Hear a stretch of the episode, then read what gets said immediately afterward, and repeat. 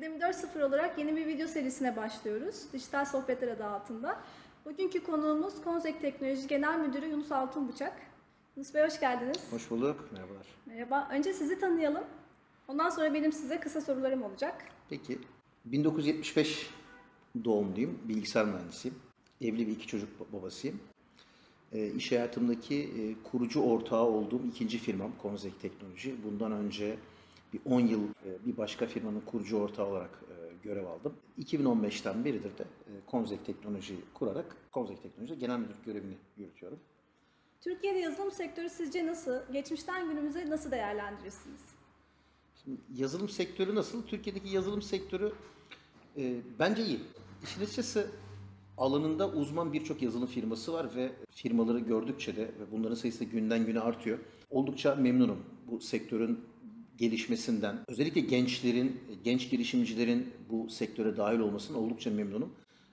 Hatta dahil olup e, direkt olarak ihracata başlayan e, yazılım çözümleri sunan firmalar var.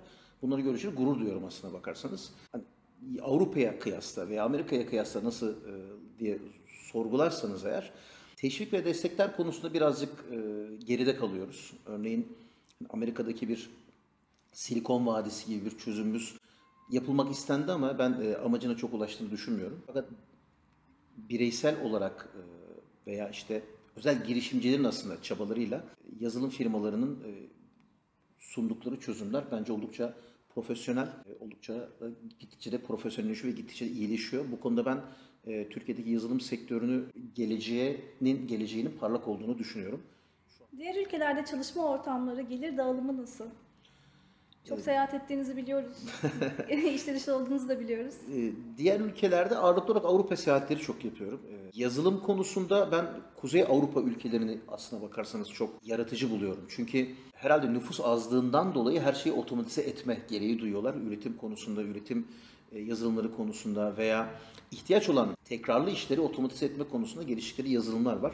Kuzey Avrupalı e, ülkelerin yazılım çözümleri oldukça yaratıcı ve performanslı çözümler var. Gelir dağılımlarına baktığınız zaman e, yani firmaların gelirleri ve çalışanların gelirleri olarak ayırırsak firmaların gelirleri tabii oldukça yüksek çünkü e, oradaki hayat kalitesi ve e, gayri safi milli hasıla kişi başına düşen gelir anlamında düşündüğünüz oldukça yüksek seviyede. Bundan dolayı kazançları çok yüksek olması gerekiyor. Ee, aynı şekilde o firmalarda çalışan kişilerin hani gelirleri yüksek. Fakat bu nereden baktığınızla ilgili bir şey. Yani bu ülkeden yani buradan baktığınız zaman elbette yüksek görünüyor. Önemli olan e, aldığınız yani kazandığınız firma olsun veya bir çalışan olsun bunun alım gücü aslına bakarsanız. Yani ülke olarak biz neredeyiz? Bence ona bakmak gerekiyor. Hani sektör olarak veya firma olarak, kişi olarak bakmak çok doğru bulmuyorum ben onlara bakmayı çok doğru bulmuyorum. Paranızın alım gücünün ne olduğu çok daha önemli bence bu konuda. Yani sektörel bazda bir iyileşme elbette veya farklar elbette vardır. İşte A sektöründe daha iyi, B sektöründe biraz daha az, orada çok daha iyi falan denilebilir ama e, bunlar münferit hani e, olaylar. Önemli olan ülkenin para biriminin e, alım gücünün ne kadar yüksek olması. Bence bunun iyi olup olmadığını sorgulamak bence daha doğru. Covid-19'un yazılım sektöründe öne çıkardığı alanlar nelerdir? Pandemi süreci yazılım sektörünü nasıl etkiledi? İşin açıkçası Covid-19'la beraber dünya yeni bir çalışma e, metodu deniyor. E, herkesin aklında olan aslına bakarsanız evde çalışma olabilir mi olamaz bu konuları vardı. E, yazılım sektörü bu diğer sektörlere nazaran biraz daha e, kolay oldu aslına bakarsanız. Ama yazılım sektöründe ö, neleri tetikledi, hangi alanlar öne çıktı e, dersek insanlar Fabrikalar mesela kapatıldı fakat kapanan fabrikalarda e, işletmelerin gelirleri azaldı, üretim azaldı. Çünkü sosyal mesafeye korumaları gerekiyordu, insanların sokağa çıkması gerekiyordu. Fabrikalar kapatıldı, üretim durduruldu, ara verildi. E, Bundan dolayı işletmelerin aslına bakarsanız ihtiyaçları olan e, bazı yeni ihtiyaçlar ortaya çıktı veya aslında olan ama e, önemi görece olarak düşük olan bazı ihtiyaçlar e, önemi arttı. Örneğin işletmenin uzaktan izlenmesi ve yönetilmesi. Bu kavram olarak çok güzel bir kavram. Elbette e, herkes işletmesini uzaktan izlemek ve yönetmek isteyecektir. E, Fakat öncelik sırası olarak Endüstri 4.0 ile beraber henüz daha istenilen noktaya gelmemişti. Covid-19 ile beraber bu alandaki talepler çok arttı. Özellikle bizim şirketimiz açısından konuşursam e, dijital dönüşüm talepleri çok arttı. Çünkü e, insan sayıları azaldı. E, dönüşümlü çalışmaya başladı işletmeler. Daha az insanla e, daha kontrollü ve daha az hatayla üretim nasıl yapabilirizin arayışına girdi işletmeler. Bu alanda dijital dönüşüm çözümleri sektörel olarak yazılım sektöründeki alt sektör veya alt alan olarak öne çıktı diyebilirim. E, uzaktan izle. Video konferans mesela yazılım sektöründe video konferans çözümleri çok öne çıktı. Çünkü yıllardır olan çözümler bunlar. Yeni çözümler değil ama Covid-19 bunların e, ne kadar önemli olduğunu bir kez daha ortaya koydu veya ihtiyacı arttırdı aslında öyle söyleyebiliriz. E, Güvenlik yazılımlarının önemi çok arttı. Çünkü Türkiye'de yanılmıyorsam bu Covid-19'un e, işte birinci dalga döneminde bir 3 ay gibi bir, bir- birinci dalga döneminde ki dijital saldırıların, bu hackerların saldırının 3 kat arttığına dair çeşitli araştırmalar var. E, bu alanda güvenlik yazılımları önem arttı diyebilirim. Kısaca bu- bunlar aslına bakarsanız bizim taraftan biraz baktım. Bakış açımız yaptığımız işle ilgili biraz ona paralel ama e, bunları söyleyebilirim. Ee, yeni bir döneme başlıyoruz. Pandemi öncesi ve pandemi sonrası olarak artık ikiye ayırabiliriz. Peki yazılım sektörü nasıl şekillenecek? Nasıl görüyorsunuz siz? Yazılım sektörü nedir? nasıl şekillenecek? Aslında şekillenmeye başladı. Yani e, şu anda zaten o şekillenmenin içinde çözümler sunuyoruz.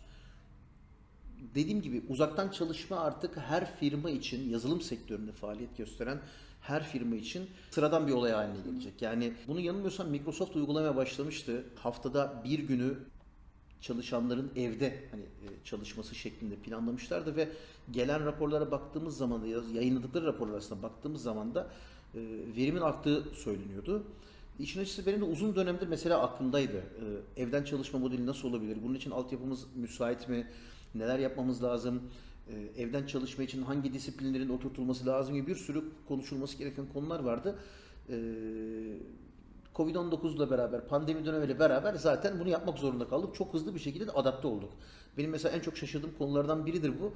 Çok hızlı adapte olduk ve gayet de güzel oldu. Bu dönemden e, oldukça memnunum ben. Yani şey döneminden bu evde çalışmanın performansına baktığınızda e, disiplin olmak evet birazcık zorlu geçti ilk başlarda ama sonra e, tüm çalışan arkadaşlarımız, ben de dahil olmak üzere e, disipline olduk ve e, çok da performanslı çalışmalar e, sergiledik. E, Şirketim adına şunu söyleyebilirim. Salgın döneminde en verimli olduğumuz dönem diyebilirim.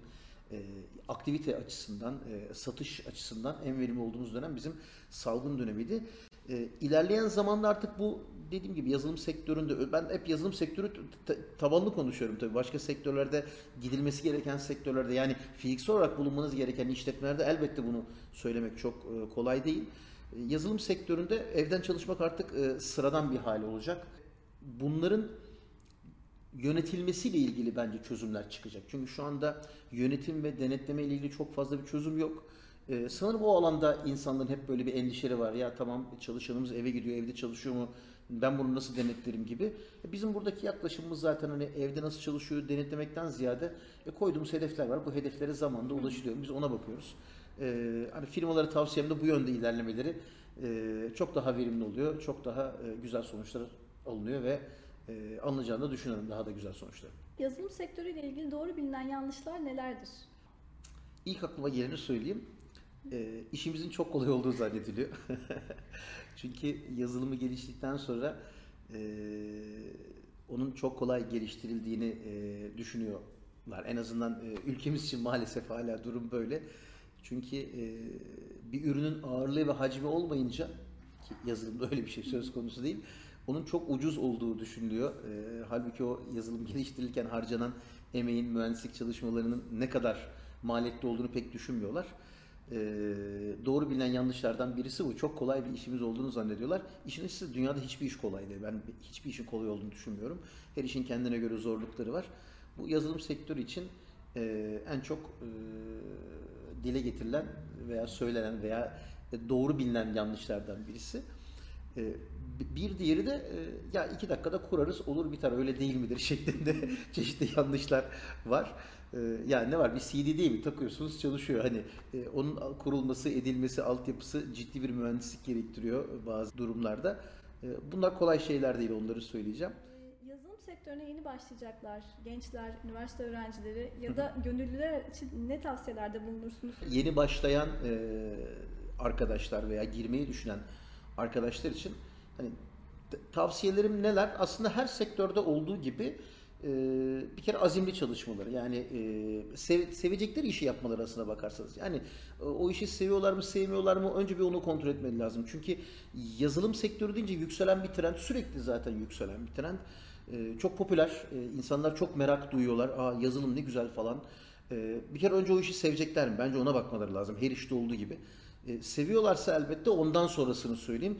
E, sohbetin bundan sonrasını dinleyenler için devam edeyim. Sevmiyorlarsa bitsin bu, bu sorunun cevabı burada. Bundan sonrası için devam edeyim.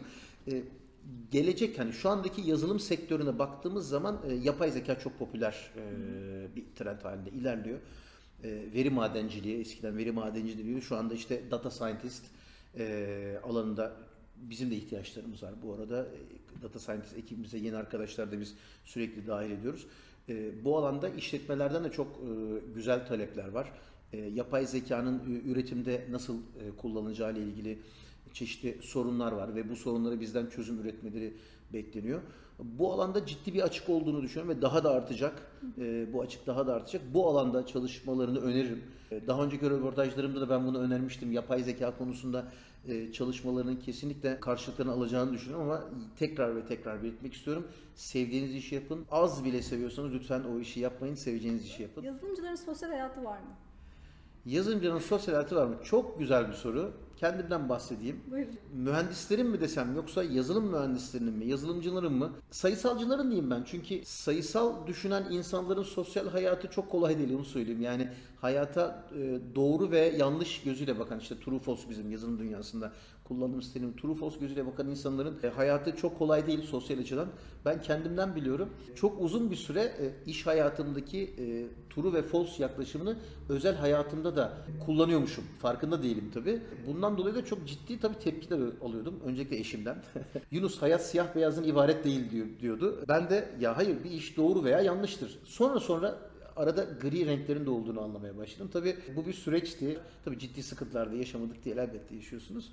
Ee, sosyal hayatları çok fazla değil sanırım. Yani e, olanlar var. Çok böyle takdir ettiğim, çok beğendiğim sosyal hayatı iyi olan arkadaşlar da görüyorum çevremde. E, kaptırıyorlar kendilerini. Özellikle yazılımcılar e, bir alanda çok ilgi duyuyorsa o alanda e, tamam işinizi seviyorsunuz, azimli çalışıyorsunuz. E, fakat akşam hani mesai bitiminden sonra mesela ben tüm iş arkadaşlarıma çalışmamalarını söylüyorum. Lütfen zihinsel bir faaliyette bulunuyorsunuz ve zihinsel bir faaliyette e, bulunup zihin yorgunluğunu gidermenin tek yolu var yerine başka bir şey koymak. Yani aynı işi e, evde düşünmeyin lütfen. Başka bir şeyler yapın. Hobi edinin kendinize. Ben hala edinemedim bu arada. Yıllardır uğraşıyorum bir hobi edinmek üzere. Şimdi doğayla uğraşıyorum böyle. Çeşitli aktivitelerde bulunuyorum ve çok da memnunum. Yani sosyal hayatlarının olduğunu düşünüyor musunuz? Çoğunluğunun ben olduğunu düşünmüyorum açıkçası. Ama tavsiyeniz olması yönünde. Tavsiyem kesinlikle olması yönünde daha mutlu olurlar. Çevreleriyle ilişkileri çok daha verimli olur, çok daha keyifli olur diye düşünüyorum. E, Akademi 4.0 geçen yıl Kasım ayında kurulan bir e, organizasyon ve e, özellikle Endüstri 4.0 alanında, dijital dönüşüm alanında çözüm sunan e, firmaların veya çözüm arayan işletmelerin bir araya gelmesini hedefleyen e, bir network oluşturmak amacıyla kurduğumuz bir organizasyon. Burada çeşitli etkinlikler, ücretsiz etkinlikler, özellikle biz böyle yola çıktık. Ücretsiz etkinlikler, çeşitli eğitimler, bu tür çalışmalarımız devam ediyor. Pandemi sürecinde biz bunları daha çok video konferanslar üzerinden yürüttük ve bu sürece baktığınız zaman da ben iyi iyi görüyorum. E, takipçi sayısından tutun, e, gelen sorular, e, talepler, e, çözüm arayan kişilerin daha fazla Akademi 4.0 üzerinden taleplerde bulunması ve sizlere gelen sorulardan biliyorum. Oldukça iyi bence. Neler yapılabilir diye konuşursak eğer de zaten bir proje var diye biliyorum. Gençlere e, kodlama eğitimi. Çünkü geleceğimize hakikaten emanet edeceğimiz gençler bizim geleceğimiz. Onları doğru yönlendirmek, bildiğimiz ne varsa onları olabildiğince doğru şekilde aktarmak adına kodlama eğitimleri, yazılım alanında bildiğimiz konuları aktarma üzerine çeşitli etkinlikler yapacağız yakın. Ee, katılımınız için çok teşekkür ederiz Yunus Bey. Ben teşekkür ederim. Evet. Zaman ayırdığınız böyle bir etkinlik için teşekkür ederim. Bunlar devam edecek bildiğim kadarıyla. Devam edecek. Hatta önümüzdeki programlarda sizi tekrar ağırlayacağız. Tamam. Sözünü de alalım şimdiden. Tamam. Çok teşekkür ederiz katılımınız ben teşekkür ederim. Emekleriniz için ben teşekkür ederim. Teşekkür ederim. İyi çalışmalar diliyorum. Dijital Sohbetler'in ilk bölümünü Konzek Teknoloji Genel Müdürü Yunus Altın Bıçak'la beraber gerçekleştirdik. Sizler de etkinliklerimize katılmak, ya da kendi etkinliklerinizi düzenlemek istiyorsanız web sitemizden ya da sosyal medya hesaplarımızdan bizlere ulaşabilirsiniz.